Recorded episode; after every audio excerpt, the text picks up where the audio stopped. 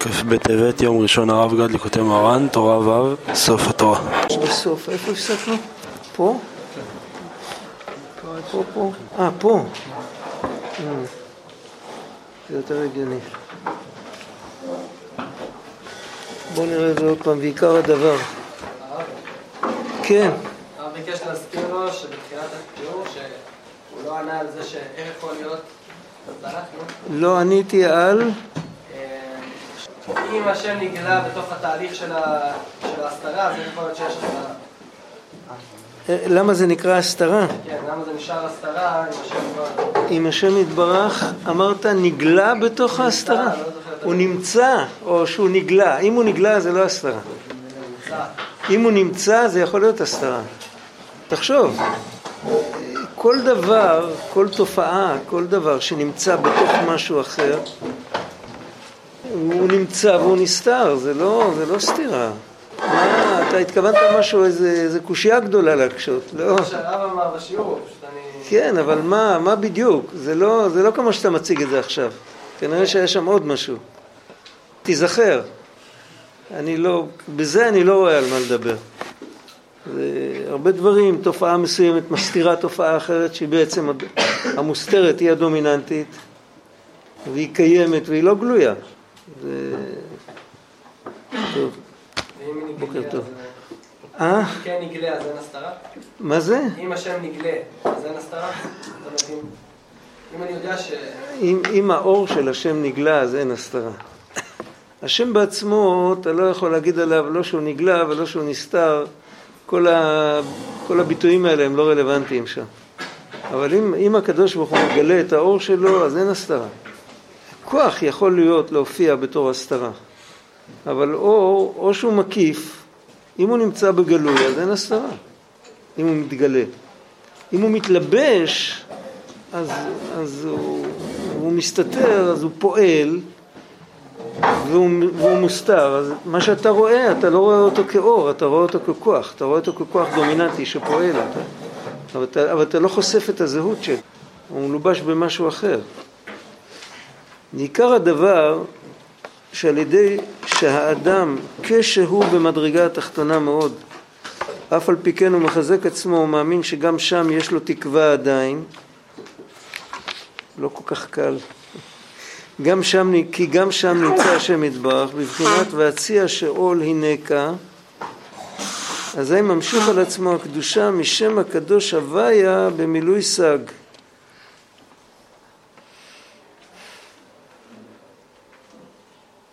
שהוא מחיה את כל הנסוגים אחור מקדושתו להחזיקם לבל יפלו לגמרי. על זה דיברנו באריכות הפעם הקודמת, אז אה, אין, אין טעם לחזור על זה עכשיו עוד פעם. לבל יפולו לגמרי חס ושלום, וזה בחינת בקיא בשוב, שזה הבקיאות, הוא בחינת שם, כל בקיאות זה מרמז על שם יבוק, ייחוד ברכה קדושה זה ראשי תיבות, זה, זה הצירוף של שם אלוקים עם שם הוויה הקדוש, בחינת שם סג. וכן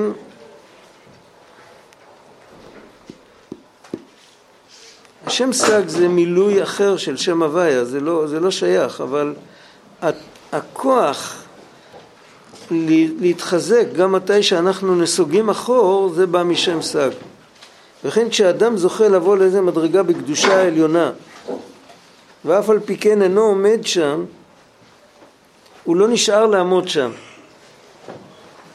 הוא לא, הוא לא נח, הוא מתחזק ומתגבר לעלות יותר, והוא מתחזק ומתגבר לעלות יותר ויותר, אזי ממשיך הקדושה על עצמו משם הקדוש א' כי' כ' במילוי קס"א, שהוא בחינת בקיא ברצו. זה גם הפשט של ה... א' כי' כ' זה שהוא אהיה, הוא עדיין לא קיים, הוא, הוא עדיין שואף להגיע לאנשהו, הוא לא מרפה. כי האדם כפי תנועותיו וכפי התחזקותו בעבודתו יתברך כן גורם לייחד השמות למעלה הוא ממשיך על עצמו הקדושה משם והבן את... אה, והנה מבואר לעיל שעל ידי הדמימה והשתיקה ששותקים לחברו כשמבזין אותו, כשהחבר מבזה אותו והוא שותק לו, על ידי זה זוכה לתשובה שבחינת כתר כזה. עיין שם כי סייג לחוכמה שתיקה. כי צריכים להיזהר מאוד לדון את כל האדם לכף זכות, ואפילו החולקים עליו ומבזים אותו, צריך לדונם לכף זכות ולשתוק להם. קל מאוד לדון לכף זכות את כל העולם כולו, אבל אוי ואבוי, מי שפגע בי, לדון אותו לכף זכות זה כבר יציאת מצרים, זה כבר מהפכה שלמה. ואם בן אדם זוכה לדון גם את מי שפגע בו לכף זכות, על ידי זה נעשה בחינת כתר. כמובן במדרש, משל לאחד שמצא את חברו שהוא עושה כתר. אמר לו, בשביל מי? אמר לו, בשביל המלך. אמר לו, כיוון שלצורך המלך, כל אבן טוב שתמצא תקבענו בו. כך כל אחד מישראל הוא בחינת כתר להשם יתברך. כל יהודי. וצריך להכניס בו כל מין אבנים טובות שאפשר למצוא. ואיך אפשר להכניס ביהודי אבנים טובות שאפשר למצוא? היינו שצריכים להשתדל לחפש ולבקש אחר כל צד זכות ודבר טוב שאפשר למצוא בישראל. ולדון את הכל לכף זכות. כי הם מבחינת כתר להשם יתברך כנזכר לעיל. כמו שאמרו רבותינו זכרונם לברכה, ודן את כל האדם לכף זכות. נמצא שעל ידי שדנים את הכל לכף זכות, שעל ידי זה שותקים לו כשמבזה אותו, כי מוצאים בו זכות, שאינו חייב כל כך במה שמבזה אותו, כי לפי דעתו וסברתו נדמה לו שראוי לו לבזות אותו וכולי, על ידי זה נעשה בחינת כתר, היינו כנ"ל, שעל ידי הדמימה והשתיקה נעשה בחינת כתר, כנזכר לאל ואבן. עכשיו הקטע האחרון, יש עליו ביאור, זה לא באופן רשמי, זה לא ביאור של הקטע הזה, זו תורה אחרת. אבל אם תסתכלו רגע בתורה קי"ג, אם אני זוכר נכון המספר, זו תורה קצרה, נפרעים מן האדם מדעתו ושלא מדעתו, כי שמעתי בשם הבעל שם טוב. התורה הזאת מופיעה בהרבה מספרי תלמידי הבעל שם טוב, כמעט בכולם, כולם מביאים את התורה הזאת. כי קודם כל גזר דין שבעולם, מן השמיים, כשרוצים לגזור על איזה יהודי גזר דין, חס ושלום, מאספים כל העולם אם מסכימים לדין ההוא. מאספים את כולם, זאת אומרת כל מי שיש לו, אה, מי שיש לו ללמד זכות שיבוא וילמד, מי שיש לו ללמד חובה שיבוא וילמד, מתייעצים עם כולם. ואף את האיש עצמו שנגזר עליו הדין חס ושלום, שואלים אותו אם הוא מסכים. ואם הוא מסכים, אז זה נגמר הדין חס ושלום. והעניין, כי בוודאי אם ישאל לו בפירוש על עצמו, בוודאי יכחיש ויאמר שאין הדין כן. אך מטעין אותו ושואלין אותו על כיוצא בו, והוא פוסק הדין, ואז נגמר הדין. כעניין שמצינו בדוד המלך עליו השלום, בבוא אליו נתן הנביא, וסיפר לו מעשה האורח, ענה ואמר חי השם וכולו, ואת הכבשה וכולו, אז נפסק הדין על דוד כאשר יצא מפיו. וזה פירוש שנפרעים מן האדם מדעתו, כלומר ששואלים לדעתו, ואף על פי כן הוא שלא מדעתו, כי אינו יודע שהדין הוא עליו. והעניין הוא עמוק מאוד איך שואלים כל אדם, כי בכל הדיבורים וסיפורים שאדם שומע, נמצא שם דברים גבוהים ורמים. וצריך להיזהר בזה מאוד, לבלי לגמור הדין עד שישנה וישלש, כי הוא סכנת נפשות. אנחנו אוהבים תמיד להביע, להביע דעה, להגיד משהו. יש, יש אה, בדקדוק, יש משהו שנקרא משפט חיווי. משפט חיווי זה בדרך כלל דברים ותהילים. אתה יודע מה זה משפט חיווי? יום יפה היום. יש בפה ליועץ, מתאר איך שאנשים באים. נעמדים בכיכר השוק, מתחילים לפטפט, כמה הגשם טוב, כמה השמש טוב. תוציא תהילים, תקרא פסוק, תגיד משהו, ככה הוא כותב. עומדים, מדברים, מזג אוויר, פוליטיקה, כל מיני כאלה, כאילו, משפטי חיווי, עושים פרלמנט, מביעים דעות. וצריך לדעת שזה נראה כאילו קליל כזה, כן, אבל צריך להיזהר, מוות וחיים ביד הלשון, הבן אדם חושב שהוא מדבר על אחרים, בעצם הוא מדבר על עצמו. ומי שיחשוב לעומק הוא יבין למה, למה בעצם כל מה שהוא אומר על אחרים זה אומר על עצמו. אם, אם, אם נחשוב טוב, אנחנו נראה את זה יותר בהזדמנות אחרת. צריך להסביר את זה לפעמים עד הסוף. כי הוא סכנת נפשות, והדברים עתיקים, כי יש בזה בעניין סיפורי דברים עניינים גבוהים. וזה חביבין עליך ייסורים. אמר לו לא הן ולא שכרן, הב לי ידך, יהב לי ידה ואוקמה. כלומר, אם אין אתה חפץ בהם, הב לי ידך על זה שאין אתה רוצה בהם באמת, אז יהב לי ידה ואוקמה. זאת אומרת שאחרי ככלות הכל, בדרך שאדם הולך, בא מוליכין אותו. עכשיו, מה שנוגע לתורה שלנו, אז אה, יש איזה סיפור על התורה הזאת, יש סיפור, סיפרתי לכם את זה אולי פעם, אני כבר לא זוכר בעצמי. אה, אני חושב שהיום זה מודפס באיזשהו מקום. מישהו הראה לי שלאחרונה מישהו הדפיס את הסיפור הזה.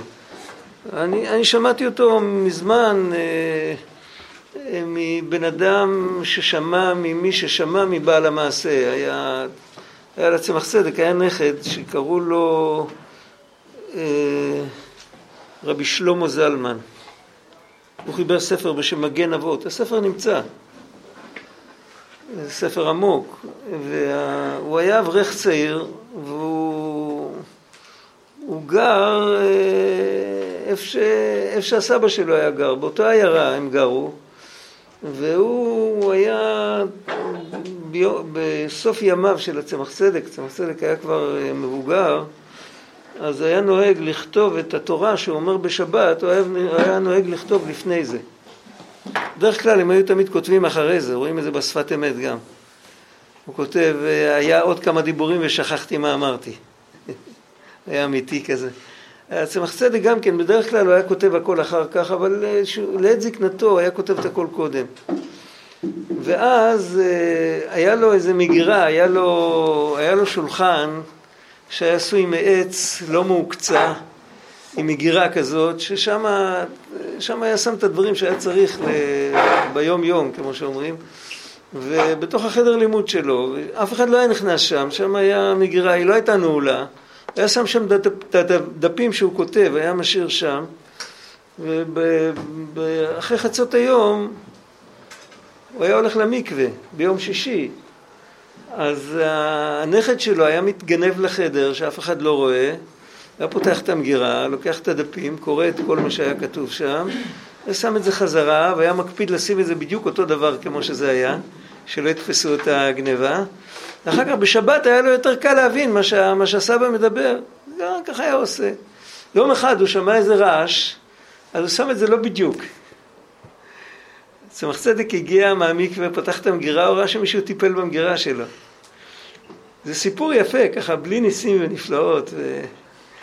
אז, אה, אז הוא אמר לרבנית, היא כבר הייתה בשעה כזאת שהוא היה הולך למקווה, כבר כל השבת הייתה מוכנה אצלה. היא הייתה יושבת, היא הייתה יושבת בחדר סמוך, או אומרת תהילים או סורגת גרב. זה היה מלאכתה בצהרי יום שישי, ואז הוא אמר לה, תעשי טובה, שאני הולך למקווה, במקום לשבת ליד, תשבי בתוך החדר, ותראי מי... קיצר, הוא מגיע. יושבת בחדר והוא מגיע. אז uh, היא שואלת אותו, כאילו, מה אתה מחפש? והיא הייתה מאוד חריפה, לא יכלו, היו צריכים, היו צריכים אה, על המקום לשמוע איזה... אז אה, הוא אמר לה, היום בבוקר אשתי הלכה לקנות דגים לשבת. זה סיפור אמיתי, הוא פתאום נזכר שיש לו מה לספר לה. בשעת הדחק הוא הוציא את הסיפור הזה. מה היה? אשתו הלכה לקנות אה, דגים ביום שישי בבוקר, היא הייתה חדשה בעיר, היא הייתה חדשה אחרי החתונה, והיא באה ממשפחה של עשירים, ובעיר שלהם מאוד כיבדו אותה. בעיירה הזאת היו גרים אנשים מחוספסים יותר, והיא הראתה לו על איזה דג, אז הוא אמר, ב, את לקוחה חדשה, יש לקוחות יותר ותיקות למי למכור דג כזה טוב. אז היא מאוד נעלבה, והיא הלכה הביתה ובכתה, היא בכתה לבעלה בראש. עכשיו כשהוא עמד מול הסבתא ולא היה לו מה להגיד לה, אז הוא אמר, יופי, השם הזמין לי מה לספר לה. הוא סיפר, התחיל לספר לה את הסיפור הזה. בינתיים בא, בא הסבא. הסבא פונה לסבתא ושואל אה, מה הוא מחפש כאן, הוא לא פנה אליו בכלל, הוא שואל מה הוא מחפש כאן. אז היא אומרת, אשתו הלכה בבוקר לקנות דג, אז הוא מיד הפסיק אותה. אמר, אה, לשון הרע? בואו אני אספר לכם על מה, ש... מה שהבעל שם טוב אמר על לשון הרע. ואז אמר להם את כל הקי"ג הזה שקראנו עכשיו, והוא הוסיף עוד פסוק, הוא הוסיף, אה, גם הבעל שם טוב, הוא אמר שזה לא כתוב פה, הוא אמר, אה, כתוב, מכל פשעי אל תצילני, חרפת, מכל פשעי הצילני, חרפת נבל אל תשימני. אז הוא שאל, אם אני, אם השם יציל אותי כבר מכל הפשעים, אז זה כבר בקשה כזאת משמעותית, אז אחרי זה שייך לבקש בקשה כזאת קטנה, אה, חרפת נבל אל תשימני, אם השם יציל אותי מכל הפשעים, מה אכפת לי אם הנבל כן יחרף אותי או לא יחרף אותי, זה לא תופס מקום. אז הוא אמר שהכוונה היא בפסוק, לא שהנבל לא יחרף אותי, חרפת נבל אל תשימני, שאני לא אחרף את הנבל. בגלל שברגע שאני מחרף את הנבל, אני פוסק את הדין על עצמי. אז יתחיל להסתכל עליה עם זכוכית מגדלת. אז כדי שמכל פשעי יצילני, אז תעזור לי שאני לא אחרף את הנבל. ככה הוא אמר. ואז הוא אמר שה... הוא גם אמר בשם הבעל שם טוב, כל הדיבור היה שכשבן אדם מדבר על חברו, אז הוא הביא, הוא הביא דוגמה, הוא אמר מדבר מאכל שמונח על השולחן, ואף אחד עוד לא נגע בו. כל, כולם יודעים שבסוף יוצא מזה פסולת. חלק מזה זה פסולת, אחרי הבירור בקיבה חלק זה פסולת. אבל אף על פי כן זה יכול להיות חתיכה ראויה להתכבד, וזה יכול לעלות על שולחן מלכים, כל הביטויים שכתובים. זה נכון. מצד שני, יש פסולת, אבל כל זמן שלא לועשים את זה ולא בולים את זה, אז, אז זה דבר, זה כולו טוב. כלומר, אותו דבר יהודי, כל אחד יש בו, יש בו פסולת, אבל כל זמן שאתה לא לועס אותו בפה, אתה לא מדבר עליו רע, אז, אז הוא כולו טוב. ובזה שאתה מדבר עליו רע, אתה מוציא מהכוח אל הפועל את הרע שבו. חוץ מזה שאתה חוטא, אתה, אתה מחטיא אותו, אתה מוריד אותו בדרגה. ואז זה באמת, זה סכנת נפשות. זה... ואז אמר עוד משהו,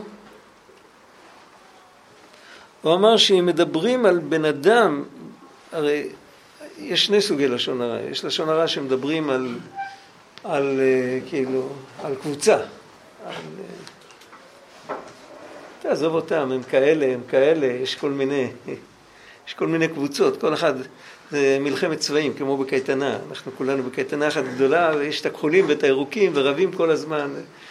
אז זה פחות נורא מה שאם נוקבים על בן אדם בשמו, זה גם אסור, לדבר על כלל ישראל בכלל זה נורא ואיום. אבל הוא אמר כשאם נוקבים על אדם בשמו ומדברים עליו, אז הוא כמו, כמו המשל במדרש, שמישהו ציווה לפני מותו לבניו שיחזיקו את עצמם ביחד, באיזה אופן הוא ציווה להם? הוא אמר להם שיביאו, כל אחד שיביא קנה, קנה סוף. והוא אמר להם לקשור את זה ביחד, ואז הוא נתן את זה לכל אחד מהבנים, ואמר להם לנסות לשבור את החבילה, ואף אחד לא הצליח. ואז הוא אמר, תפרקו את החבילה וכל אחד ייקח את הקנה חזרה. אז הוא אמר, תנסו לשבור, בקלות אפשר לשבור את זה. הוא אמר, כל זמן שתהיו כולכם ביחד, אף אחד לא יכול לפגוע בכם. אז צמח צדק אמר, הוא אמר את זה על המטאטה, מי שראה פעם מטאטה רוסי. זה, זה, זה חבילה של ענפים שעם זה הם מטאטאים, ככה זה הולך. ו, והוא אמר ככה, כשזה כל, הח, כל החבילה של כל הענפים ביחד, אז מטאטא בלשון חז"ל נקרא מכבדת, זה לשון כבוד, וזה מכבד את הבית מכל מיני לכלוך. ואם מפרקים את זה, אז כל אחד לבד הוא נקרא שוט ורצועה להלקאה וזה מידת הדין. אז אותו דבר, ברגע שבני אדם הם בפירוד ואתה מוציא עם פינצטה מישהו, אני לא זוכר בדיוק את הלשון, אבל אתה מוציא מישהו ואתה מסתכל עליו ואתה בודק אותו ואתה אומר עליו דעות ואתה אומר עליו, אז אם אתה מלמד עליו זכות אתה עושה לו טובה גדולה. אם אתה מלמד עליו חוב, אז אתה משנה לו את, ה, יש כוח, הבן אדם, כל מה שהוא עושה יש לו כוח, למחשבה של האדם יש כוח, לדיבור של האדם יש כוח. אומרים על מישהו שהוא רע, זה כמו שמקללים אותו שיהיה רע. בוודאי שזה פגם גדול. ואותו דבר להפך.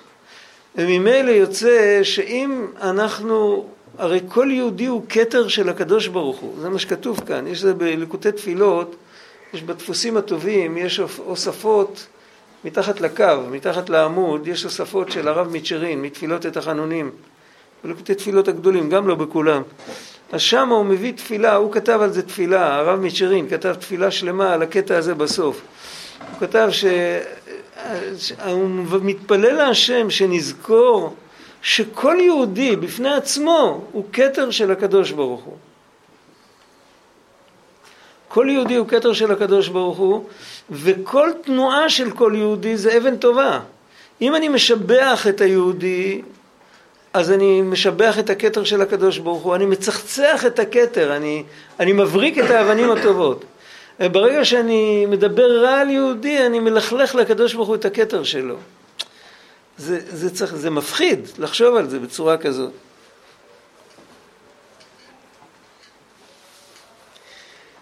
יש עוד סיפור שהוא מדגיש את זה עוד יותר, ושם זה מדובר על, על שבע אל תעשה.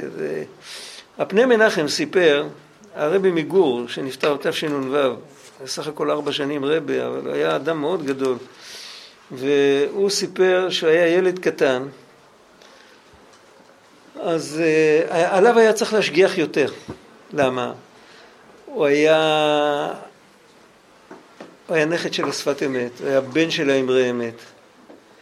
והחסידים אה, פחדו לתת לו כאפות וכאלה ולנער אותו כמו אחד את השני. אז מה עשה אבא שלו? אבא שלו שם עליו בחור מבוגר מהישיבה הוא היה נער בן 12, 13, אני יודע. שם עליו איזה בחור מבוגר שהסתכל עליו בשלט רחוק, ש... שיראה איך הוא מתנהג, שידווח לאבא. זה עוד סיפור יפה, בלי, בלי מופתים, בלי... ככה, ככה הוא בעצמו סיפר. יום אחד היה, אמרו כתר בבית הכנסת, במוסף, וזה היה שבת שהגיעו המון אורחים. הבית הכנסת לא היה כזה גדול, זה היה בגור בחוץ לארץ.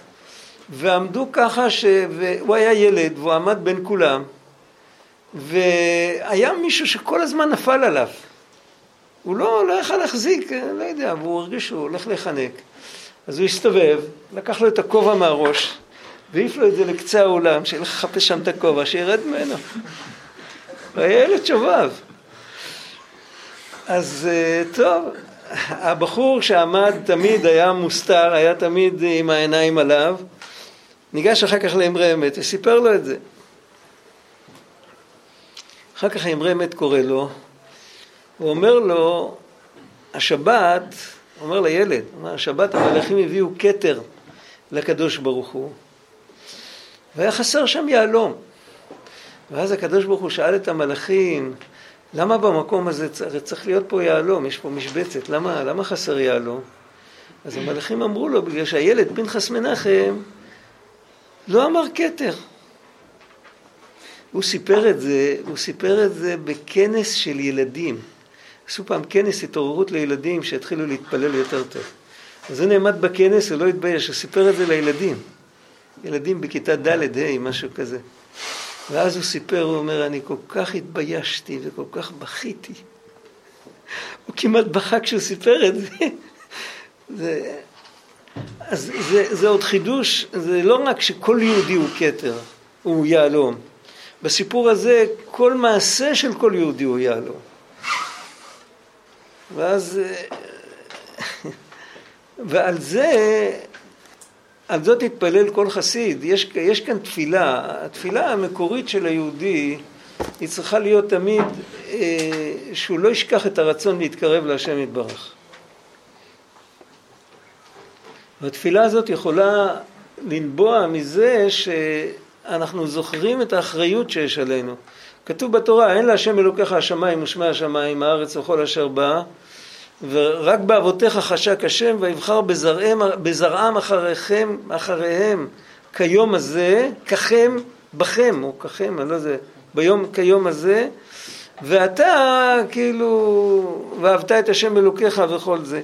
זאת אומרת, לזכור את האחריות שיש עלינו, שאנחנו לא נמצאים בחלל ריק, זה לא כאילו, על דרך המזדמן, כאילו, הלכתי בדרך, ראיתי שנפל לך משהו, אז אני ארים ואני אני מרים ואני צועק לך ואני מחזיר לך. יום אחר אני אלך, לא ייפול לאף אחד כלום, זה כאילו, כל עבודת השם זה על דרך המזדמן. אה, היום ככה, מחר ככה, זה, זה עבודה בלי אחריות.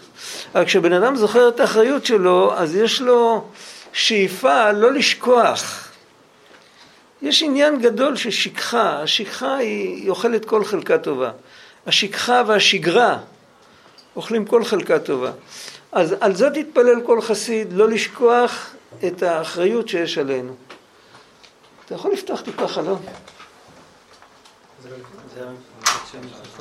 מה? אתה לא צריך לפתוח הרבה. לפתוח... אה,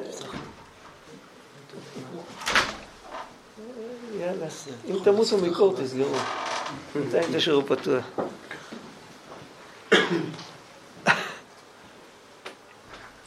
זה פחות או יותר הרעיון שיש כאן, של לדעת כי מה פירוש כל יהודי הוא יהלום בכתר של הקדוש ברוך הוא? גם אני יהודי, אז גם אני יהלום בכתר של הקדוש ברוך הוא. עכשיו, הכתר הזה, כאילו, נותנים אותו, אה, כל יהודי הוא כתר, לא סתם. לא רק יהלום, כל יהודי הוא כתר. אז, אז כאילו הפקידו אצלי בבית את הכתר של מלך מלכי המלכים. יש לו הרבה כתרים, כל יהודי מופקד על כתר אחד. אה, צריך לדעת איך להתנהג עם הכתר הזה. בטח שעם הכתר הזה לא הולכים אה, לאסוף את ההשפעה מהרצפה. צריך לתת לו את הכבוד שלו. כן, מה? אה, אני לא שומע... קודם קראנו בתורה ו' היהודי הזה שביזה אותי או פגע בי, הוא יהלום, אבל הוא ביזה ופגע... יהלום אחר, נו, אז על זה הוא מדבר שם בתפילה, תסתכל, אם אתה מוצא ליקוטי תפילות גדול, ישן, שיש שם את ההוספות, כתוב בשער, אם יש הוספות מתפילות את החנונים, תסתכל, הוא מתייחס בדיוק לשאלה שלך. הוא מתפלל גם על זה. כי סך הכל, בסדר, הוא ביזה אותי, אני באמת יהלום, אבל גם הוא יהלום.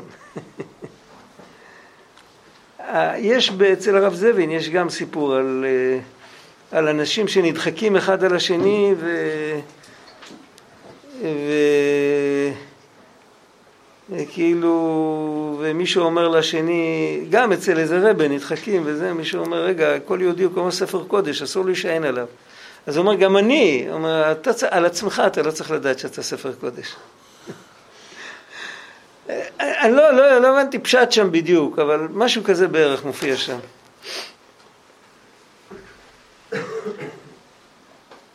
עכשיו, עוד יותר לעומק, כל העניין הזה, זה באמת, אה, בתורה ל"ח בהתחלה הוא מדבר על, על, שאולי באמת נתחיל את זה עכשיו, אני רואה שזה כן שייך.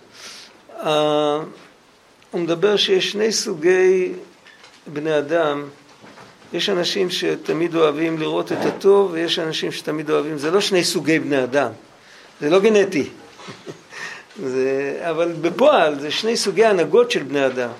יש אנשים שתמיד רואים את הטוב ומתפעלים מהטוב ושמחים עם כל דבר ושואלים אותם על מישהו, וואי, הם תמיד רואים את הנקודה הטובה בכל אחד.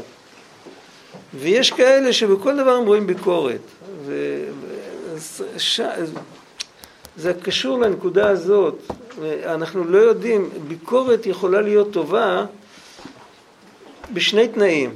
תנאי אחד זה שלא מבקרים את האדם אלא את ההתנהגות שלו. התנהגות יכולה להיות לא ראויה וצריך לבקר אותה. התנאי השני זה שאומרים לו את זה באוזן, לא שמדברים עליו אחרי הגב. אפילו אם רק מבקרים את ההתנהגות ולא מבקרים את האדם, אם אומרים לו את זה מאחורי הגב, זה לשון הרע, זה איסור דאורייתא. ולכן זה עושה נזק, וכתוב לשון תליטאי, קטיל תליטאי, זה, זה, זה, זה עושה נזק גם לבן אדם שמדברים עליו, לכאורה הוא לא אשם, אבל כנראה זה גדר של על דעתפך התפוך. כנראה שזה עניין כזה.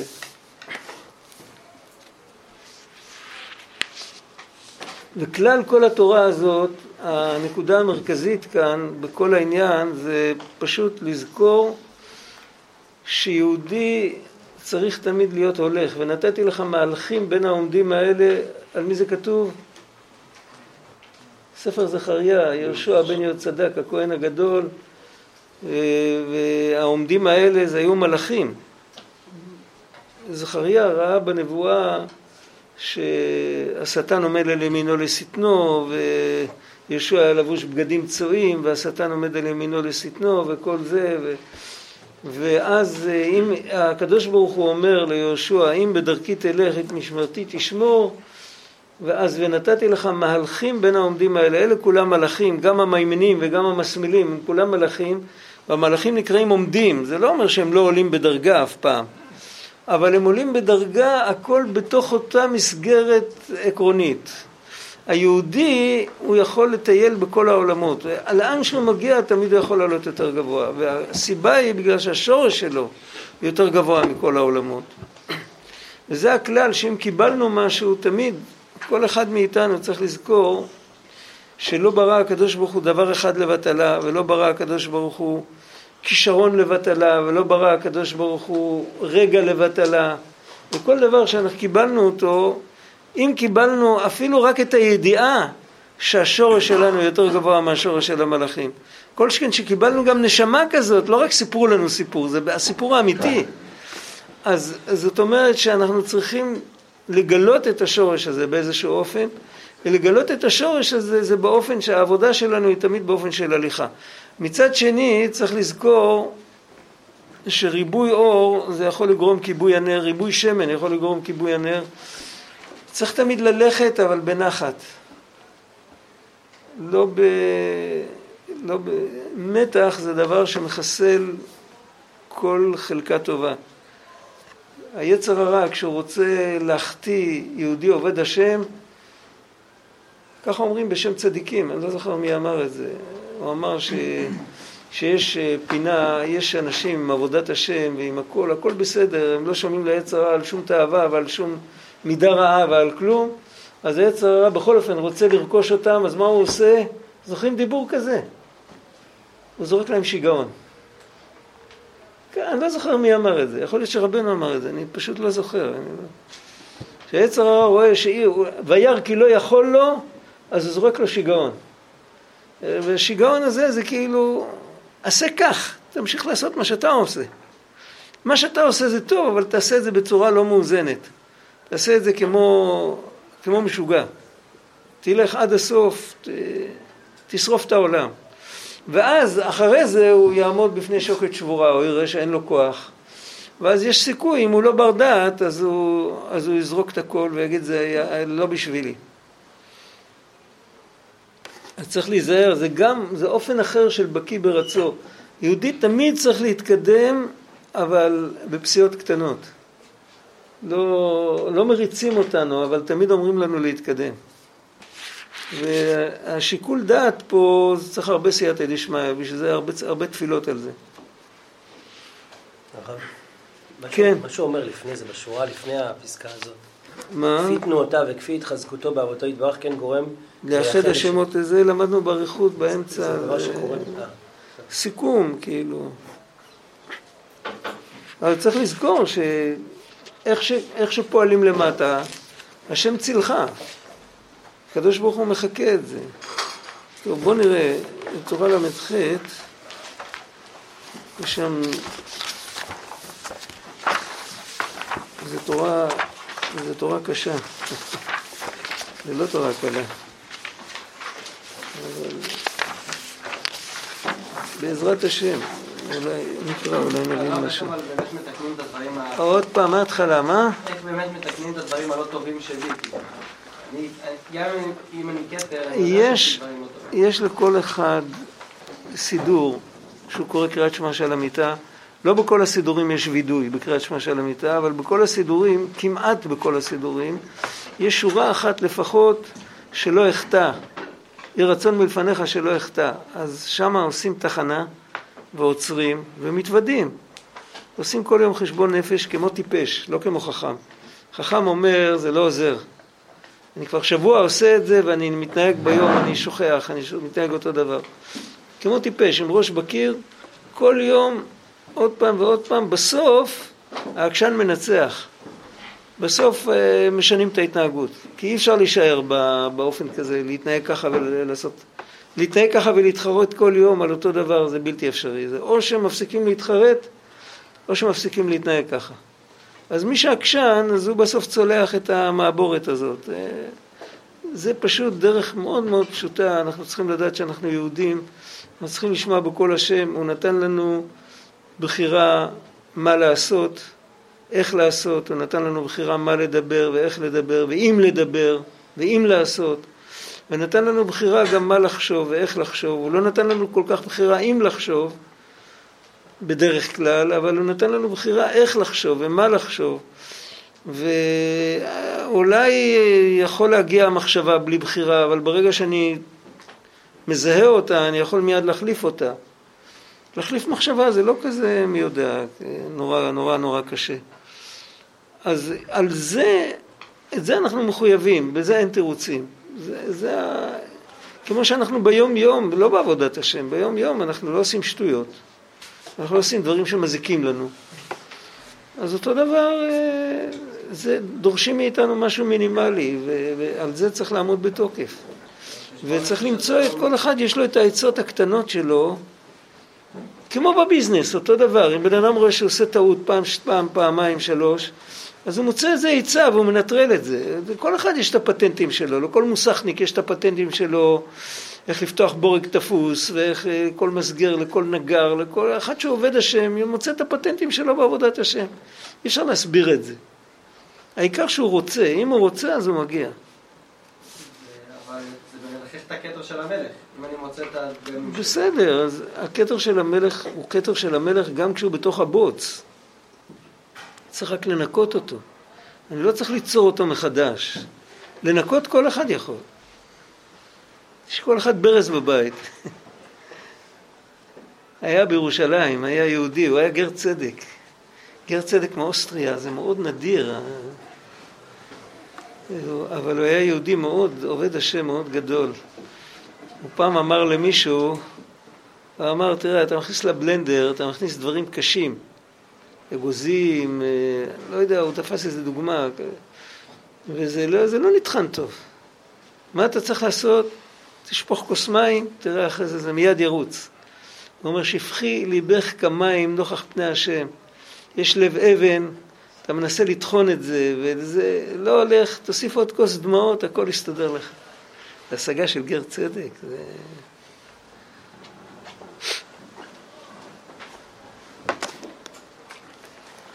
לשון רבנו ז"ל, רבנו כתב בעצמו, זה בדרך כלל קצת יותר קצר מהלשון של רבי נתן, לפעמים יותר קשה קצת. מרכבות פרעה וחילו ירב הים וכולי. לפסוק הוא יחזור בסוף. זה תורה שרבנו אמר בשבת שירה, אם אני לא טועה. זה עוד מעט התאריך. כי צריך כל אדם לפשפש את עצמו בכל עת אם הוא דבוק בהשם יתברך.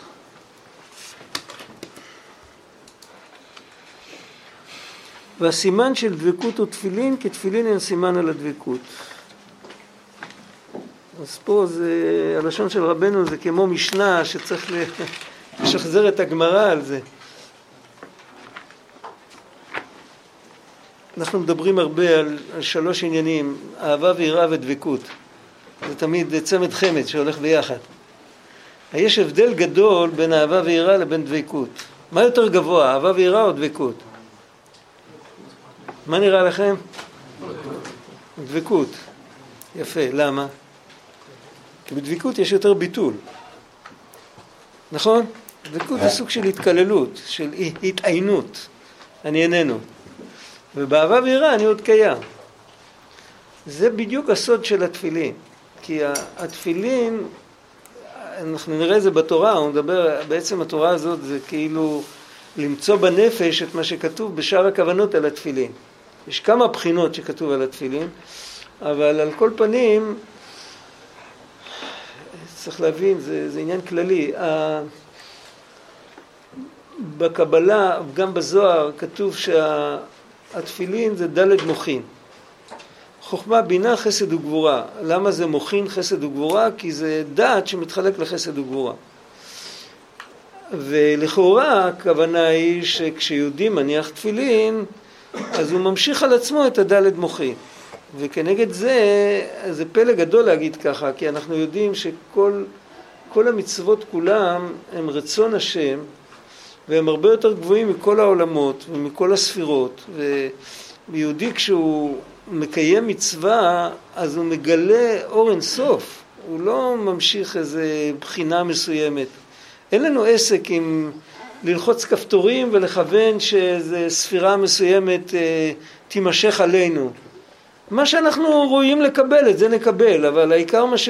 מה שמתעורר למעלה זה גילוי אלוקות. נחת רוח לפניי שאמרתי ונעשה רצוני.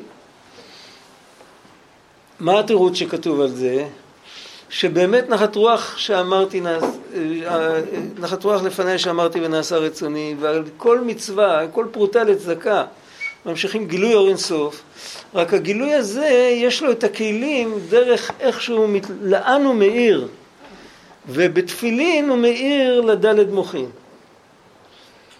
ואז על ידי זה זה נמשך גם לזעיר אנפין, וזה כתוב בשאר הכוונות באריכות, ועל ידי זה זה מאיר גם על האדם. עכשיו, מה המשמעות של כל זה? אז זה צריך להבין, אנחנו רואים במידות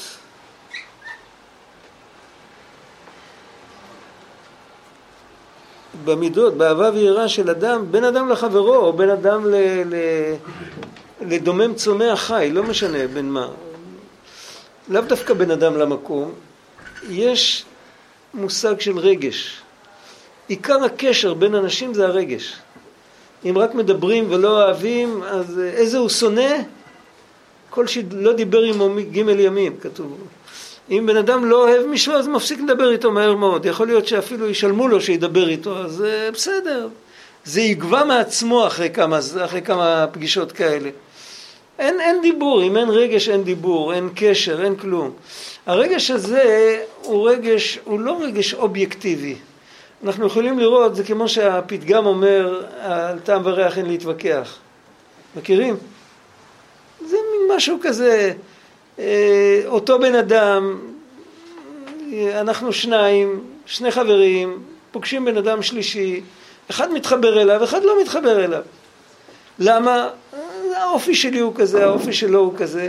האם הוא באמת בן אדם הגון או לא, זה כבר נושא לא לעולם הרגש. זה כבר פה צריך כבר אה, לפרוס, אה, כאילו לפתוח את האטלס הזה שנקרא ראובן או שמעון או איך קוראים לו, ולהסתכל אה, מה ההיסטוריה שלו, מה, מה הוא עושה, ואז אפשר להחליט, ופה נמצא השכל. השכל זה כמו דיין בבית דין, שהוא צריך לברר את האמת. ושוחד לא תיקח, כי השוחד יעבר. הרגש יכול בקלות להיות משוחד. אם משהו, אה, לא יודע, אם, אם היה לי איזה בן אדם כשהייתי ילד שמאוד הערצתי אותו, עכשיו אני פוגש מישהו שמזכיר לי אותו, ואני אפילו לא יודע שהוא מזכיר לי אותו. אני לפעמים לא יכול להתנגד אליו. אין לזה שום היגיון. ואם הם חכו לי מהזיכרון את אותו, את אותו אחד, מהזיכרון הכי פנימי, אז, אז ההוא לא, ההוא פתאום, אני לא יודע מה קרה לי, פתאום ההוא הפסיק למצוא חן בעיניי. אז רואים שהרגש זה לא דבר שאפשר לסמוך עליו אובייקטיבית. מצד שני, הרגש הוא מאוד חשוב. הוא, הוא למעשה, הוא מזיז את כל העולם, הרגש. אם תיקח את הרגש מהבן אדם, הוא לא יזוז. לי בפלג לכל שייפין, בדיוק כמו שהלב מחלק את הדם לכל האיברים, ככה הוא מחלק גם את התפקוד לכל האיברים. אם בן אדם אין לו רגש למשהו, הוא לא יזוז. יש מעלה אצל יהודי שיש לו קבלת עול מלכות שמיים, שיכול להיות שאין לו רגש בכלל, אבל הקדוש ברוך הוא ציווה ואהבת לרעך כמוך, אז הוא ירוץ ויעזור לשני, ודרך זה הוא יקבל עליו רגש. יש איזה סיפור מהחופץ חיים, סיפור ארוך, אני לא רוצה להיכנס לזה עכשיו. אבל על כל פנים, אפשר לקבל את הרגש גם בדיעבד, אחרי המעשים נמשכים הלבבות, כמו שכתוב בחובת הלבבות, בכל ספרי, ספרי המוסר הישנים. זה גם דרך, אבל זה לא הדרך הרגילה שבה אנחנו פועלים ביום יום. איך בן אדם יודע לאן לכוון את הרגשות שלו? איך הוא יודע לאן לכוון את הרגשות? מה לאהוב? אז אה, לבהמה יש אינסטינקט. מה יש לבן אדם? לבן אדם יש שכל, אין לו אינסטינקט, אבל יש לו שכל. הוא לומד מהניסיון, ימים ידברו ורוב שנים יודיעו חוכמה. חבר שלו לעס איזה עלה וקיבל הרעלה והלך לבית חולים והיה בין מוות לחיים. בטיול הבא, אני לא אגע, ב, לא אגע בעלה הזה, כן? כי, כי למדתי. בעל חי לא ייגע בזה בגלל שיש לו, לו אינסטינקטים. והבן אדם יש לו שכל, יש לו זיכרון, יש לו...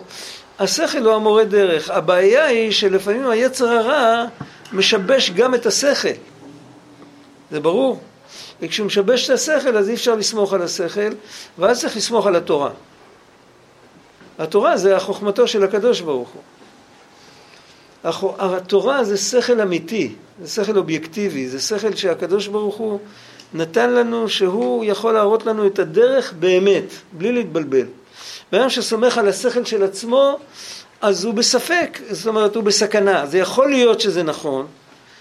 שכל אם הוא נקי, אם הוא לא משוחד, אז הוא יכול להראות, חלקית לכל הפחות, הוא יכול להראות את הדרך. אבל אם הוא משוחד, אז אוי ואבוי. הוא הופך להיות שכל של עורך דין, הוא חייב להוציא את הלקוח זכאי. הוא לא מחפש את האמת לכתחילה. עכשיו, כשאנחנו מדברים על מידות טובות, מידות טובות, עבודת השם, יהודי שיש לו שכל מבורר, מידות טובות, והוא אוהב את השם יתברך, אז יש שתי דרגות באהבת השם שלו. יש אהבת השם שיש בה את הקדושה של המוחין, כתוב בזוהר שבכל מקום שכתוב קודש זה בחוכמה. ויש אהבת השם שיש בה את הקדושה של המידות, אבל אין את הקדושה של המוחין. ואהבת השם שיש בה רק את הקדושה של המידות, זה אהבת השם שהנשמה אוהבת את השם כי השם זה החיים והשם זה הטוב וזה טוב לי וזה חיים לי, קרבת אלוקים לי טוב. זה הטוב האמיתי ואם יכול להיות שהיא מואסת בכל אבלי העולם הזה ואף על פי כן היא יכולה עוד להתקדם, רק עכשיו דיברנו שאיפה שיהודי נמצא הוא צריך להתקדם יותר. הכוח שהתפילין נותנים לו זה לגלות את האור אינסוף בתוך המוחין ושמהמוחין זה יגיע למידות ואז לא שההשגה שלו תהיה שהאלוקים הוא טוב עבורו אלא שאני נבראתי לשמש את קוני.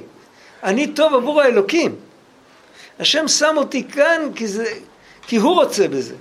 נתאווה הקדוש ברוך הוא להיות לו דירה בתחתונים. זה הרצון שלו, זה העסק שלו אשראי וטוב חלקי שהוא בחר בי שאני אבצע את הפרויקט. אבל לא לשם כך אני עושה. זאת אומרת, יכול להיות מציאות שבן אדם יודע את שני הדברים האלה, הוא יודע את האמת, הוא יודע את החלקי והוא יודע את השלם, ואף על פי כן יש לו עדיין בחירה, זה לא אומר שאם אני יודע את האמת אז כל מה שאני עושה זה לשם האמת האמיתית הזאת.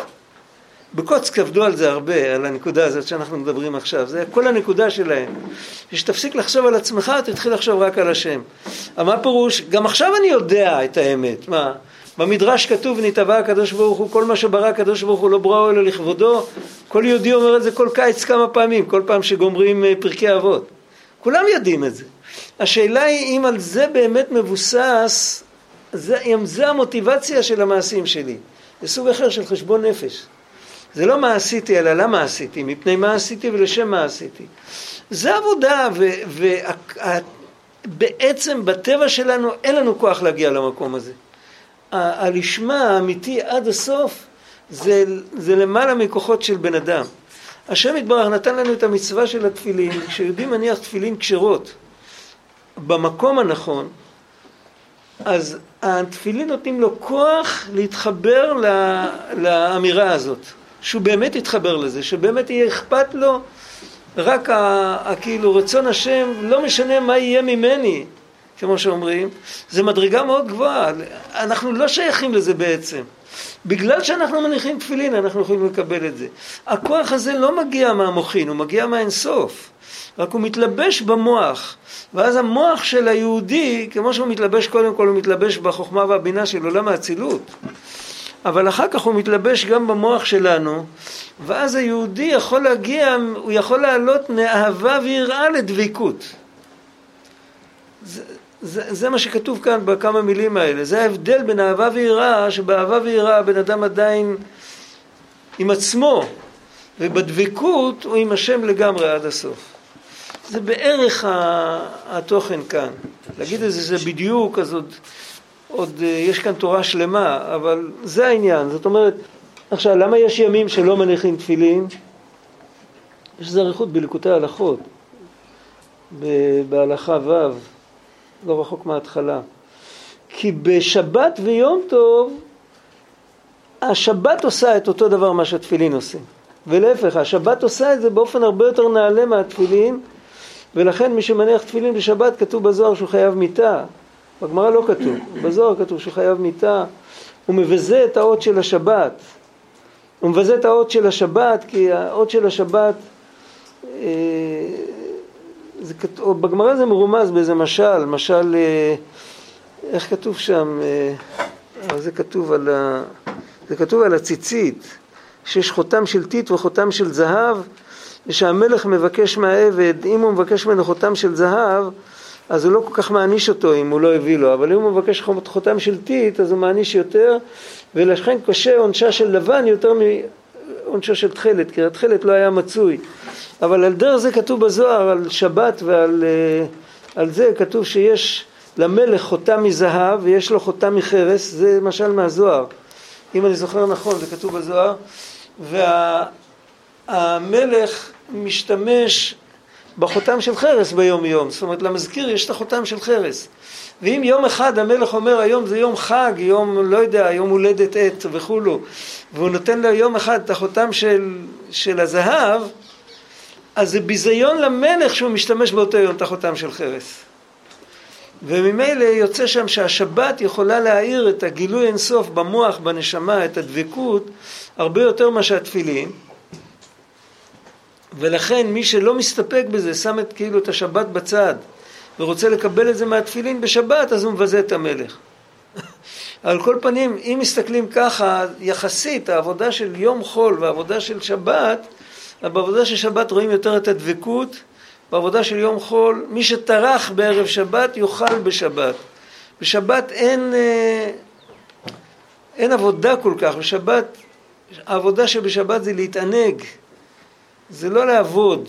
המושג הזה של להתענג, בשורש, להתענג זה להתאחד, זה המושג האמיתי של להתענג. אנחנו מכירים, יש מהרב קוק שהוא כותב שביחס להשם יתברך, הכיסופים והעונג הם הולכים תמיד יחד.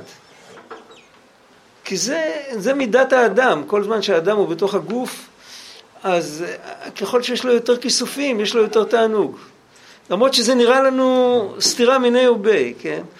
אבל להיות, יש עניין שגילוי מלמעלה, כמו שבת, שאז הכיסוף מתחלף לתענוג.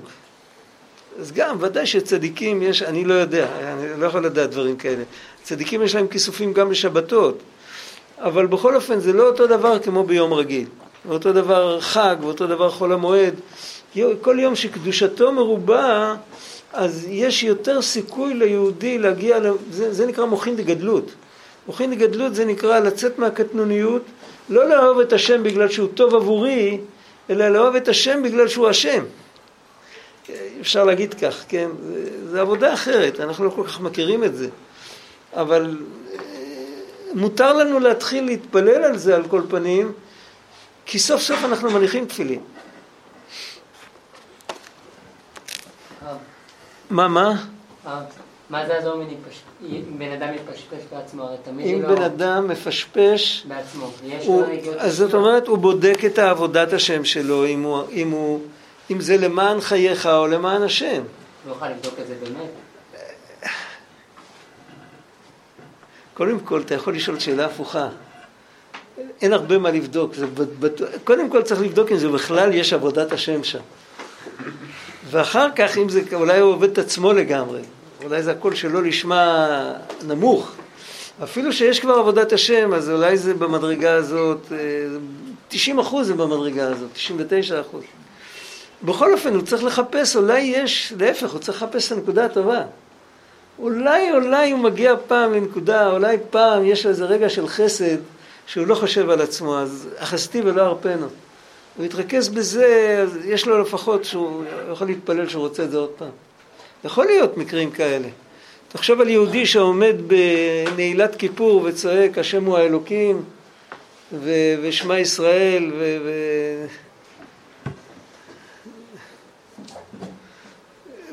ברגעים האלה אנחנו נראים אחרת בכל אופן. באותו רגע בן אדם לא חושב על עצמו. כן. למה התפילין הם דווקא אלה ש... למה דווקא התפילין? כל המצוות, אבל כל, זה מה שאמרתי קודם, וכל המצוות עושות את אותו דבר, מעוררות את אותה נקודה, אבל כל מצווה מורידה את הכוח הזה דרך משהו אחר. ומה שעובר דרך התפילין זה שזה עובר דרך, זה מתקן את המוח, אלו תפילין שבראש, אמרו חז"ל. זה מתקן את המוח והמוח מתקן את הלב ובצורה כזאת זה מתלבש בפנימיות. אחרת, אם בלי התפילין אז כל הדברים האלה היו באמונה, ב, ב, כאילו, לא היה לזה את אותו... ויש עוד הרבה לדבר על זה.